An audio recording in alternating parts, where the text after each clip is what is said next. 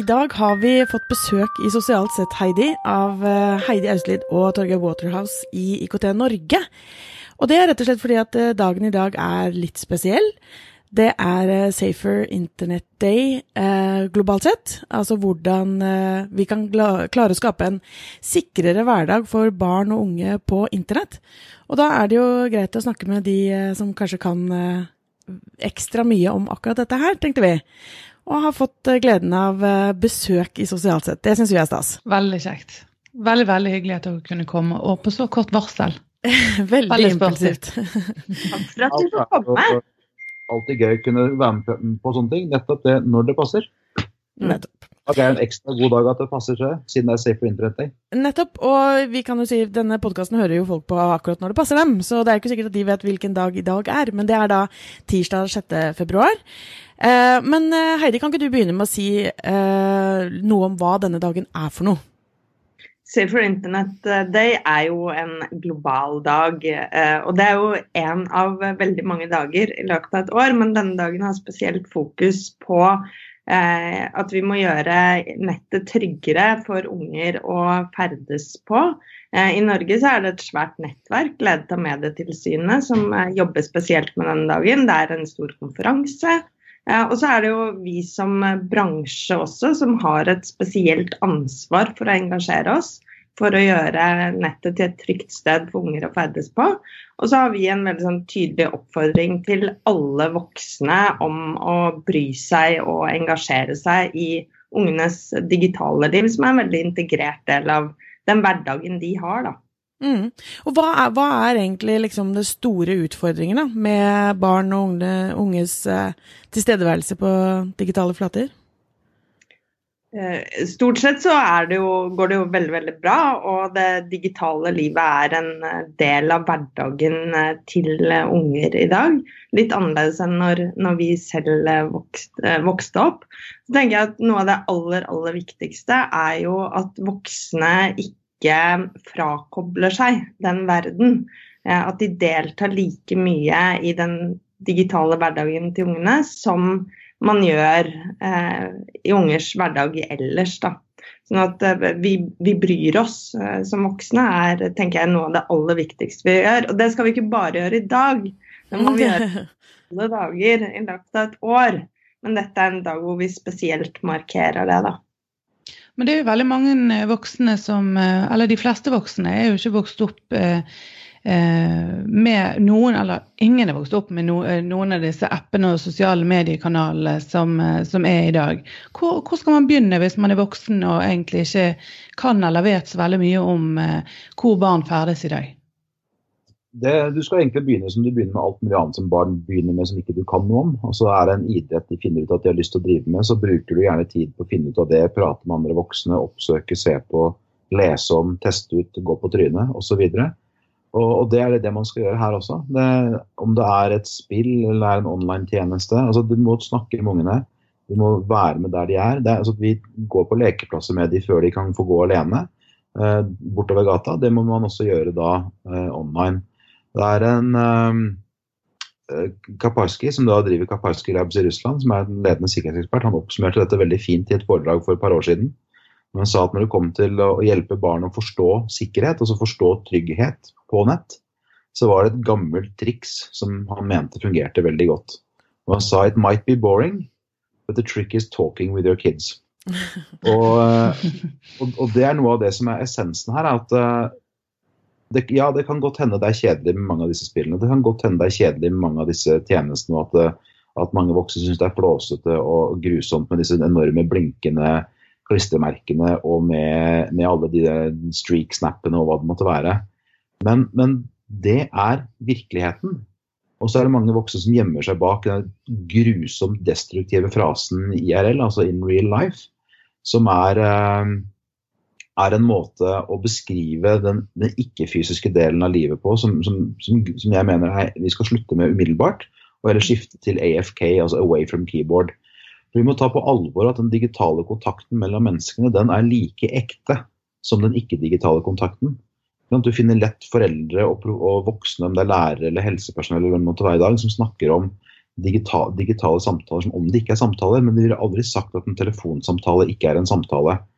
Så, så, det å ta på alvor at det har skjedd et skifte i samfunnet som uh, vi selv ikke, hadde, uh, ikke, opplevde som små, da. At det stiller noe ekstra krav til oss. Det kan godt hende det er urettferdig, det kan godt hende det er kjipt, det kan godt hende man gjerne ville vært det foruten. Men vi er det ikke foruten. Det er der. Og de voksne som har tid til å se på timevis med drit på TV3 og TV Norge seint på kvelden etter at ungene har lagt seg, de har mm. definitivt tid til å, å lære seg å spille, lære seg forskjellige kanaler. Og så er det noe som er veldig viktig sånn, sånn, i forlengelsen av den lille ranten der. og det er at Hvis du ikke spiller, så har du ikke noe språk for spilling å, snakke, å bruke når du snakker med ungene. Og bare det i seg selv er en av de viktige grunnene til å være med på mye av dette og prøve med det, å få et språk så du skjønner hva de sier og er i stand til å kommunisere det tror jeg Torgeir er inne på noe helt vesentlig. Vi må forstå barnekultur, barne- og ungdomskultur av vår tid.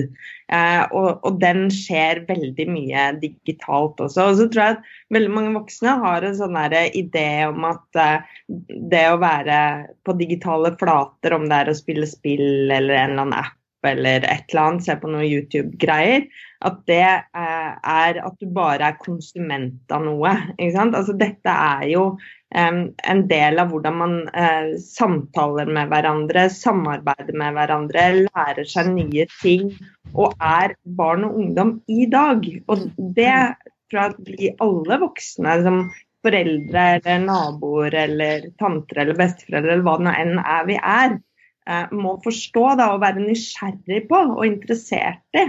Akkurat som vi er nysgjerrig på hva man gjorde på skoleveien eller i skolegården eller eh, på fotballtreninga. Samtidig noe sånn ekstremt hokus pokus. Altså, det handler om å være interessert i sine egne barns liv, rett og mm. slett.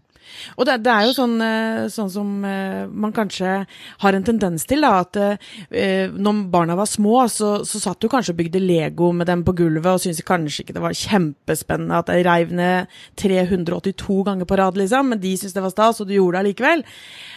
Og det er vel kanskje litt sånn da, at du, du er nødt til å investere den samme. Greit, så skjønner du det kanskje ikke, og uh, kanskje du ikke skjønner fascinasjonen de har for de ulike appene eller spillene eller uh, hva det nå måtte være, men du må kanskje investere tiden allikevel, sånn nettopp som du sier, Torgeir, at du har et språk å snakke med de med. Eh, fordi at det er jo vi, Jeg tror kanskje at vår generasjon, eller mange blant oss i hvert fall, har en tendens til å liksom forherlige vår egen barndom. Ja, men det var så mye bedre når vi var ute og snakket med og ringte på døra til hverandre og snakket med hverandre face to face, eller at at da klatra vi så mye mer i trærne, eller vi, vi, gjorde liksom andre ting. Og det er den på en måte den ekte barndommen. Mens nå har det blitt helt krise. Nå sitter vi bare bak en skjerm og gjør ingenting. Og jeg, jeg altså jeg tror vi, vi, føler oss som en forholdsvis digital eh, familie, og vi snakker mye med barna våre om dette her. Men allikevel, jeg møter meg i døra titt og ofte, hvor jeg kan liksom si til min 14-åring at nei, nei, nei, nå må du slutte med den der Discord-serveren og det der fjaset du holder på med der, for at skolen er sånn og sånn. Det er der du lærer de virkelig tingene. Og han bare Men er det egentlig det? Er det egentlig der jeg lærer det jeg kommer til å trenge for å eh, liksom få en jobb om eh, 10-15 år, liksom? Er det det som er Hvor er det man egentlig lærer de tingene vi trenger for framtiden vår, da? Um, det tror jeg kanskje vil overraske en del foreldre opp igjennom. At det er kanskje ikke det å pugge hvem som eh, var uh, ja, president i hvilket land eh, til hvilken tidsepoke. Eh, som vi jo finner Kunnskap er noe annet nå òg. Mm. Altså, og de kravene de møter i arbeidslivet er noe annet. De, de kommer til å, å, trenge en helt annen kompetanse som de tilegner seg på en mye mer intuitiv og naturlig måte gjennom de kanalene de har per i dag. Så tror jeg et poeng å huske på også at vi, vi, er jo veldig opptatt av, alle, de fleste i hvert fall, eh, foreldre og, og voksne som jobber med barn og ungdommer, at de skal være på arenaer og møte utfordringer, møte andre mennesker, møte forskjellige syn på livet og verden. Eh, og, og, gjennom det også utvikle viktig både erfaring og ikke minst kompetanse i å delta i samfunnet. Og det er klart at Når alle de flatene vi har rundt oss også har blitt en del av samfunnet, for det er ikke noe som er i tillegg til samfunnet, det er en del av samfunnet, så er det viktig å være der òg. Og hvis du er, eh, er, du utenfor, hvis ikke du deltar, hvis du er den eneste i klassen som ikke er på en eller annen kanal eller flate, ja vel, da er du utenfor da, når de snakker sammen der. Og, og, og det er også en utfordring for foreldre som, eh, som kanskje syns at man kan vente et år eller to eller hva måtte være til med å ha en smartphone eller være på Snap eller uansett hvor det måtte være. Men det man også må være klar over, at det er å holde Det kan fort gå fra å være bevisst type 'jeg syns du skal vente litt med dette', til å i realiteten holde eget barn utenfor. Mm. De arenaene de andre Vet du hva, Det er ikke mer enn et, eh, et par måneder siden jeg var på et foreldremøte for min femteklassing. Der jeg tok opp for første gang av alle foreldre dette med digital kultur eh, og bruk av sosiale medier for barna våre. Og da var det eh, faktisk et par stykker som syntes vi burde vente til neste år med det. Altså det vil si å vente til sjette klasse. Og, og jeg ble veldig overrasket egentlig, eh, fordi at eh, det er en sånn enormt stor del av livene, ikke bare til min datter, men veldig veldig mange av de andre. Men jeg tror ikke det er helt uvanlig. Jeg tror det er mange som nettopp tror at ved å kontrollere og stoppe og bremse, så klarer man å, å forsinke den prosessen. Men, og det er jo klart at man må jo ha noen noen muligheter og, og tro på at eh, ens egne grenser kan ha en form for effekt. Men, men jeg tror det er veldig mange som eh, eh, så, så kjemper en litt håpløs kamp der, da. Og at de, at de begynner eh, for seint å forstå når barna er, er veldig digitalt orientert. Så når syns dere det er, er tidsnok, eller eh, å starte opp disse, disse samtalene med barna? Jeg tror at disse eh, samtalene må være en sentral del av foreldremøter eh, veldig, veldig tidlig. Eh, Mm. I hvert fall fra første klasse, og kanskje egentlig også tidligere eh, enn det. Eh, fordi at både for å eh, spre kunnskap til alle foreldre om hva unger gjør, litt hva som skjer på hvilke stadier eller i forhold til hvilke aldersgrupper. Men også fordi at foreldrene kan få en fin mulighet til å snakke sammen. Eh, Jeg vet godt om eh, klasser og foreldre hvor man har blitt litt sånn enige om ja, når er det greit med mobiltelefon. Eh, Hva er det som skjer hvis noen begynner å få sånne smartklokker? Hva er fordelene og ulempene med det? At man har en arena hvor foreldre kan få lov til å snakke sammen, sånn at man slipper å fikse alt alene. For det er sånn at hvis det er fem av seks jenter i en klasse som har en mobiltelefon, så er den nummer seks plutselig ekskludert fra et fellesskap. Ikke sant? Og hvordan forholder man seg til det? Hvordan sikrer man at alle unger føler seg inkludert, da? eh, På en eller annen måte. Men også der man kan snakke om både de mulighetene som finnes, de potensielle farene som er, og hvordan voksne skal snakke med sine egne unger også hjemme, da. Ja, og, og der syns jeg det er litt vanskelig, fordi at det, som foreldre selv også, så, så er det jo eh, Man er jo eh, absolutt ikke en homogen gruppe som forelder. Så der hvor noen syns at nei, men det er helt ok med 18-årsspill for eh, 12-åringen, eh, så syns noen andre at det absolutt ikke er ok. Og så aha, er det vanskelig å skulle finne en sånn som en gruppe også. For det første så er det jo mange som ikke er interessert i å diskutere sånt i en foreldregruppe. Men selv om man gjør det, så er det jo er det vanskelig å få en sånn enhetlig 'dette er fasiten', på en måte, fordi folk er så forskjellige med hva de har av grenser og rammer og regler for seg og sine barn. Men er det noe hva, hvis, For det, det tror jeg er en sånn virkelighet som vi er nødt til å forholde oss til i all evig tid. Altså at vi får ikke liksom sånn Ja, ok, så har du en aldersanbefaling på diverse spill eller kanaler og sånne ting, men det vil jo ikke være sånn at vi liksom Ok, men nå er alle på denne, dette lille samfunnet vårt enige om dette. Hvordan skal vi som foreldre kunne forholde oss til det allikevel? Da? Hvordan kan vi eh, møte det at ok, de, den familien har andre regler enn vår familie? For dette er jo noe med at hvis jeg setter veldig strenge regler for meg og mine barn, eller vår familie, så går de jo bare et annet sted. Så henger de heller i et annet hus enn mitt hus, og det er jeg jo ikke så veldig interessert i. Her, her må vi jo delvis bare si, erkjenne at sånn er det. Tough shit.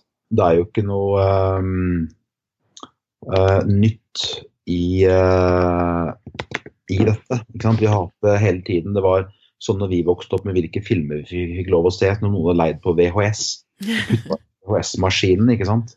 Uh, det må vi bare leve med. Uh, det må ungene leve med. Det, det må de profesjonelle på skolen osv. leve med. Så tenker jeg at uavhengig av når, når og hvor det skal være aktuelt å bruke, ha tilgang på hele tiden, styre helt, kanskje bruke under foreldres kontroll osv., så, videre, så må disse tingene eh, som vi snakker om, enten det er produkter som en telefon i seg selv, eller det er tjenester man bruker, eh, enten det er Netflix, eller det er YouTube, eller det er eh, Snap, eller hva det måtte være, så må også det inngå i samtalen med ungene, på samme måte som vi snakker med barna om å bevege seg langs veien før de får gå langs veien alene.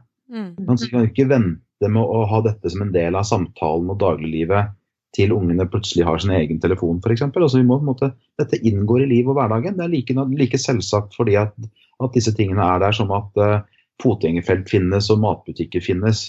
Mens de voksne driver fremdeles gjerne og snakker om det som det er noe sånn nytt kryptisk som, som, som mm. kanskje skal avsløre for barna at finnes. Mm. På et eller annet tidspunkt, og når skal det tidspunktet komme? Så, så, og vi vil ikke kunne klare å styre det på samme måten som vi gjerne vil ha, ha kontroll på hva de ser på og ikke ser på på TV, hva, hva, slags tekster de hører på på musikk osv. Men vi, vi, vi, kan ha mange meninger om det, vi kan nudge i en retning, men vi, kan, vi har ikke full kontroll. Kommer aldri til å ha det. det men, men hvis, hvis, vi, kan eh, være enige om at samtalen er det, det aller viktigste verktøyet vi har overfor barna, har vi andre, litt mer tekniske verktøy? Altså Det finnes jo f.eks. For foreldrekontroll for nedlasting av apper. Det går an å sette på noe på YouTube. Er det noe dere anbefaler, eller noen gode tips der? Eh, jeg tror, jeg tror at samtalen er kjernen i det. Ja. Eh, personlig så har jeg lite uh, tro på ulike filterløsninger, for det finnes alltid en eller annen omvei. Men, men, hvis du klarer å ha en god samtale med ungene dine og med andre foreldre, om det digitale livet, så er veldig, veldig mye gjort. Så må du forstå hva ungene dine holder på med, altså være nysgjerrig på hva de driver med. Og så må du alltid ha en åpen dør til at man, de kan få lov til å snakke med deg hvis man opplever noe som er ubehagelig. Og det er litt sånn um, Jeg må forresten veldig fort gå, men det er litt sånn at du slipper ikke ungen din eh, midt på Karl Johan, og så sier du 'jeg håper du finner veien hjem selv' når du er sju år. Er, altså vi må på en måte klare å gjøre de samme koblingene i det digitale livet da, som vi gjør eh, ellers i verden. Og så er det viktig å være bevisst på at unger er veldig forskjellige. Noen unger eh, er eh, spør alltid, noen unger er, bruker bare sammen med foreldrene sine, er veldig forsiktige og tilbakeholdne. Du må liksom jage de opp i klatrestativer, eller du må jage de inn i spillet, eller hva det måtte være. Mens andre er all in fra første sekund, og du må liksom bruke alle kreftene du har på å innimellom få de bort for at de skal spise middag eller gå på do eller gjøre lekser eller legge seg. Jeg tenker, I dette også så er det veldig viktig å, å, å være fokusert og bevisst på det. og Det betyr at for noen så kan det være nyttig å bruke verktøy. altså som gjør at eh, f.eks. sånn som i mitt uh, det wifi-systemet jeg har hjemme, så kan jeg sette, slå, automatisk legge inn tider hvor de og de, det utstyret ikke lenger har tilgang.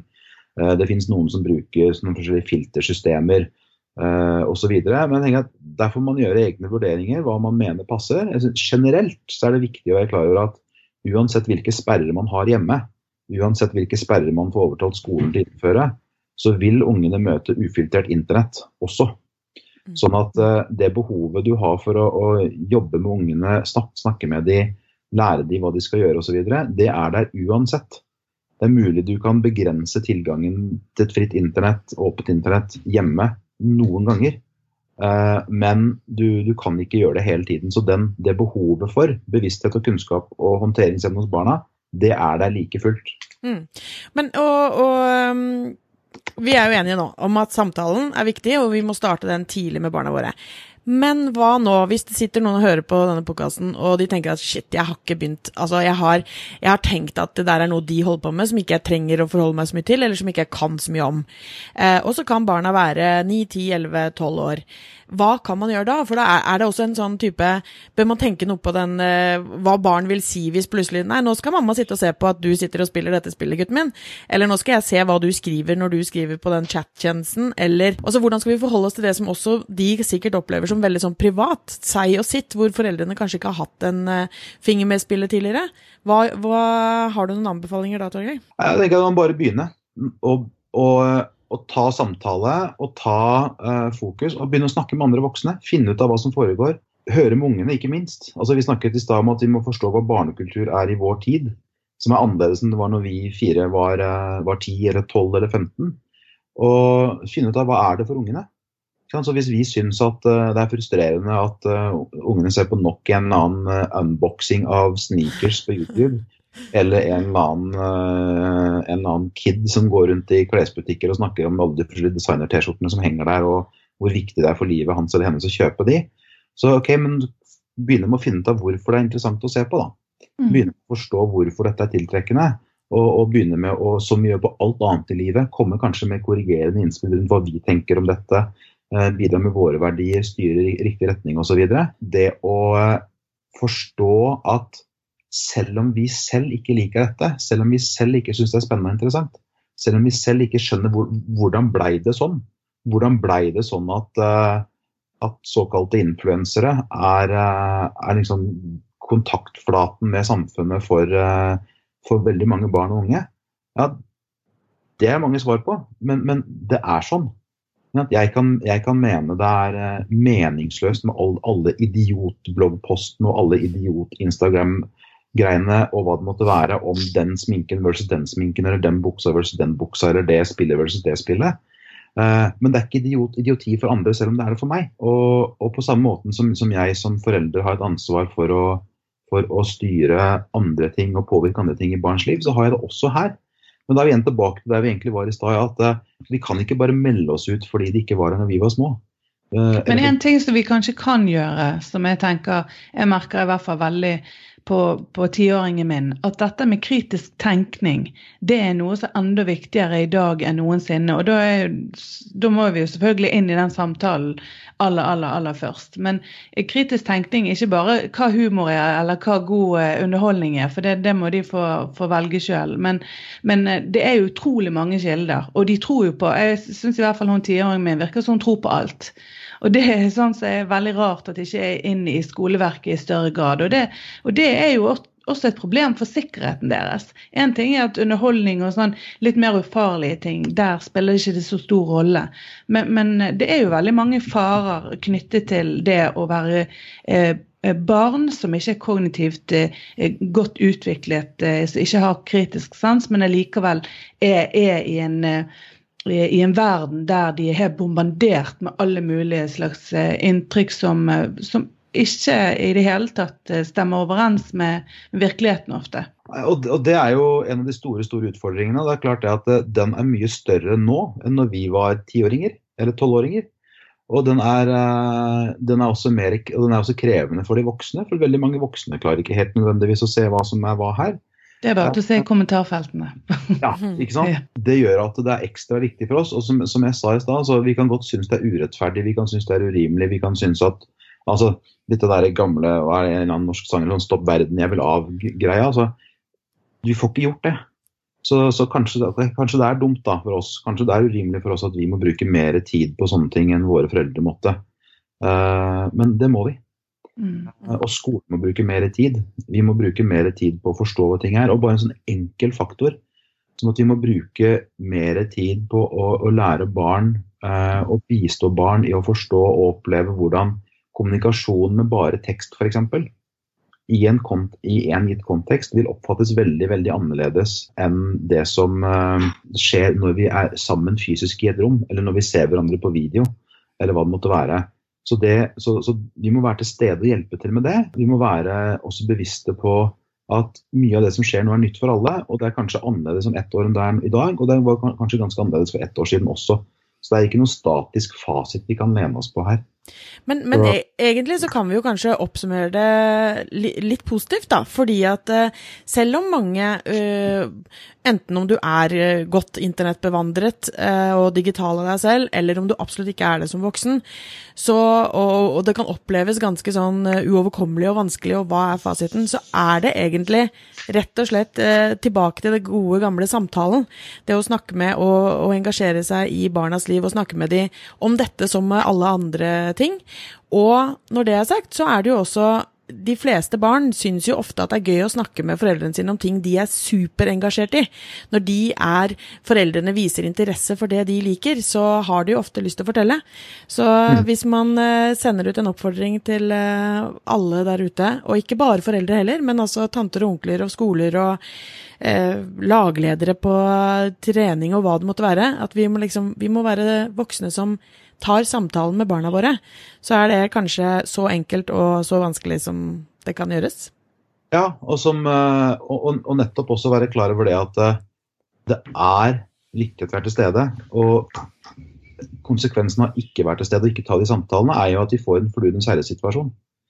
Og alle som har lest den boka eller sett film, film, dette filmatisert, vet jo at det går ikke så bra.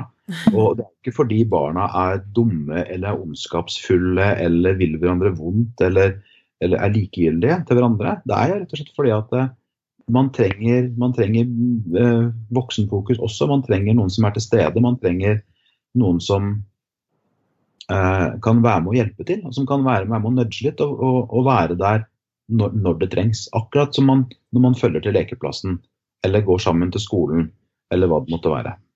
Kan jeg bare spørre om en siste ting? Eh, for dette er fremdeles en litt avleggs diskusjon, men jeg hører den stadig vekk. Hva syns du om skjermtid, Torgeir? Jeg syns det, eh, det, er et feilfokus. Eh, mm. Jeg syns det er viktig for hver enkelt voksen og for den del hvert enkelt barn og hvert enkelt ungdom å være bevisst på, på det. Eh, på samme måte som du kan snakke om innetid og leggetid og hva det måtte være av tid og annet. Men det kommer aldri til å være en gitt standard som passer for alle, eller en fasit for alle på hvor mye tid man skal se eller ikke se. Og så tror jeg vi må vri fokuset mye mer over på hva man gjør og hva man ikke gjør. Uh, om man er sammen med andre eller ikke er sammen med andre, uansett om vi snakker fysisk eller digitalt. Og, og, og hvis du tenker deg sånn at skjermtid blir et hellig antall minutter, Uh, ja, så kanskje det betyr da, at uh, du, du, får en konflikt mellom å, å, å, å, spille, gjøre lekser og ha en, en videosamtale med bestemor og bestefar. Mm. Fordi du har bare et visst mengde skjermminutter tilgjengelig. Så det å flytte fokus på hva er det man gjør ved skjermen, hva bruker man den til, uh, hvordan er man som individ i forhold til hvordan man takler å, ha, å, å, å bruke en skjerm mye versus å bruke den lite, det er viktig. Eh, så skal vi ta på alvor at, eh, at det er mye rundt det, både bruk av teknologi og annet i barns liv som gjør at de voksne må være mye på. Eh, og at det er de voksne som er de voksne. Og, og det er det. Og så hjelper det, da, som vi også var inne på, hvis man klarer å finne litt sånn felles føringer i et nabolag eller en klasse og sånn. Men, men det, at the end of the day så er, det, så er det de voksne som må kanskje være den kjipe som sier at nå er nok nok. Eller som sier ja. Uh, og kanskje må ha den vanskelige utfordringen at man har flere, flere enn ett barn, og de er veldig forskjellige. Supert. Tusen hjertelig takk for tiden deres, både Heidi og uh, Torgeir. Og god Safer Internet-day til alle. Jeg håper at vi alle egentlig bare skal fortsette å utvikle oss og lære mer og ta større del i barnas også digitale hverdag. Det er jo egentlig ganske naturlig. Det er egentlig ganske selvsagt. Snakk med barna.